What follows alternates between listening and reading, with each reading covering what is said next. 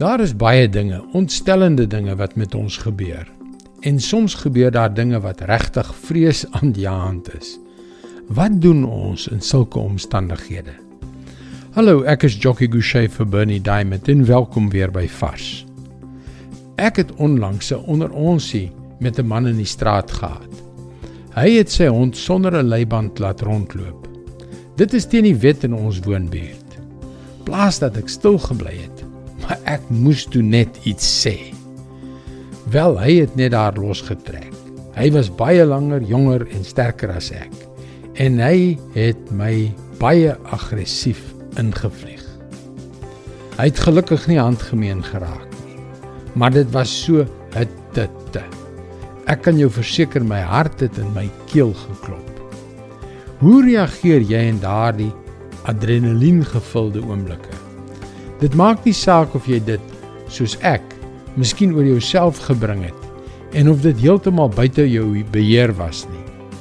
Adrenalien skep 'n veg of vlug reaksie en in daardie oomblikke neem 'n mens ondeurdagte besluite met ernstige gevolge. Die Heilige Gees het tot my redding gekom. Wees stil. My vrees het bedaar. Daar staan in Psalm 27 vers 1 Die Here is my lig en my redder. Vir wie sou ek bang wees? Die Here is my toevlug. Vir wie sou ek vrees? Ek en jy gaan nie altyd alles reg doen nie. Ons gaan dinge sê en dinge doen waaroor ons later spyt is. Dit is geen verrassing vir God nie, maar hy sien ons hart. Hy ken jou en glo my, hy is daar om jou te beskerm.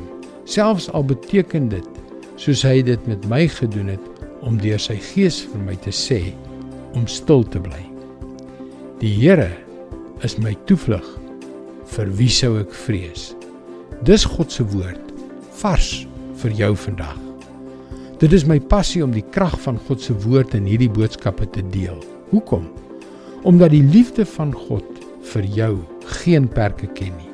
Kom leer meer, besoek gerus ons webwerf varsvandag.co.za vir toegang tot nog boodskappe van Bernie Diamond. Sy boodskappe word reeds oor 1300 radiostasies en televisienetwerke uitgesaai. Skakel weer môre op dieselfde tyd op jou gunstelingstasie in. Mooi loop. Tot môre.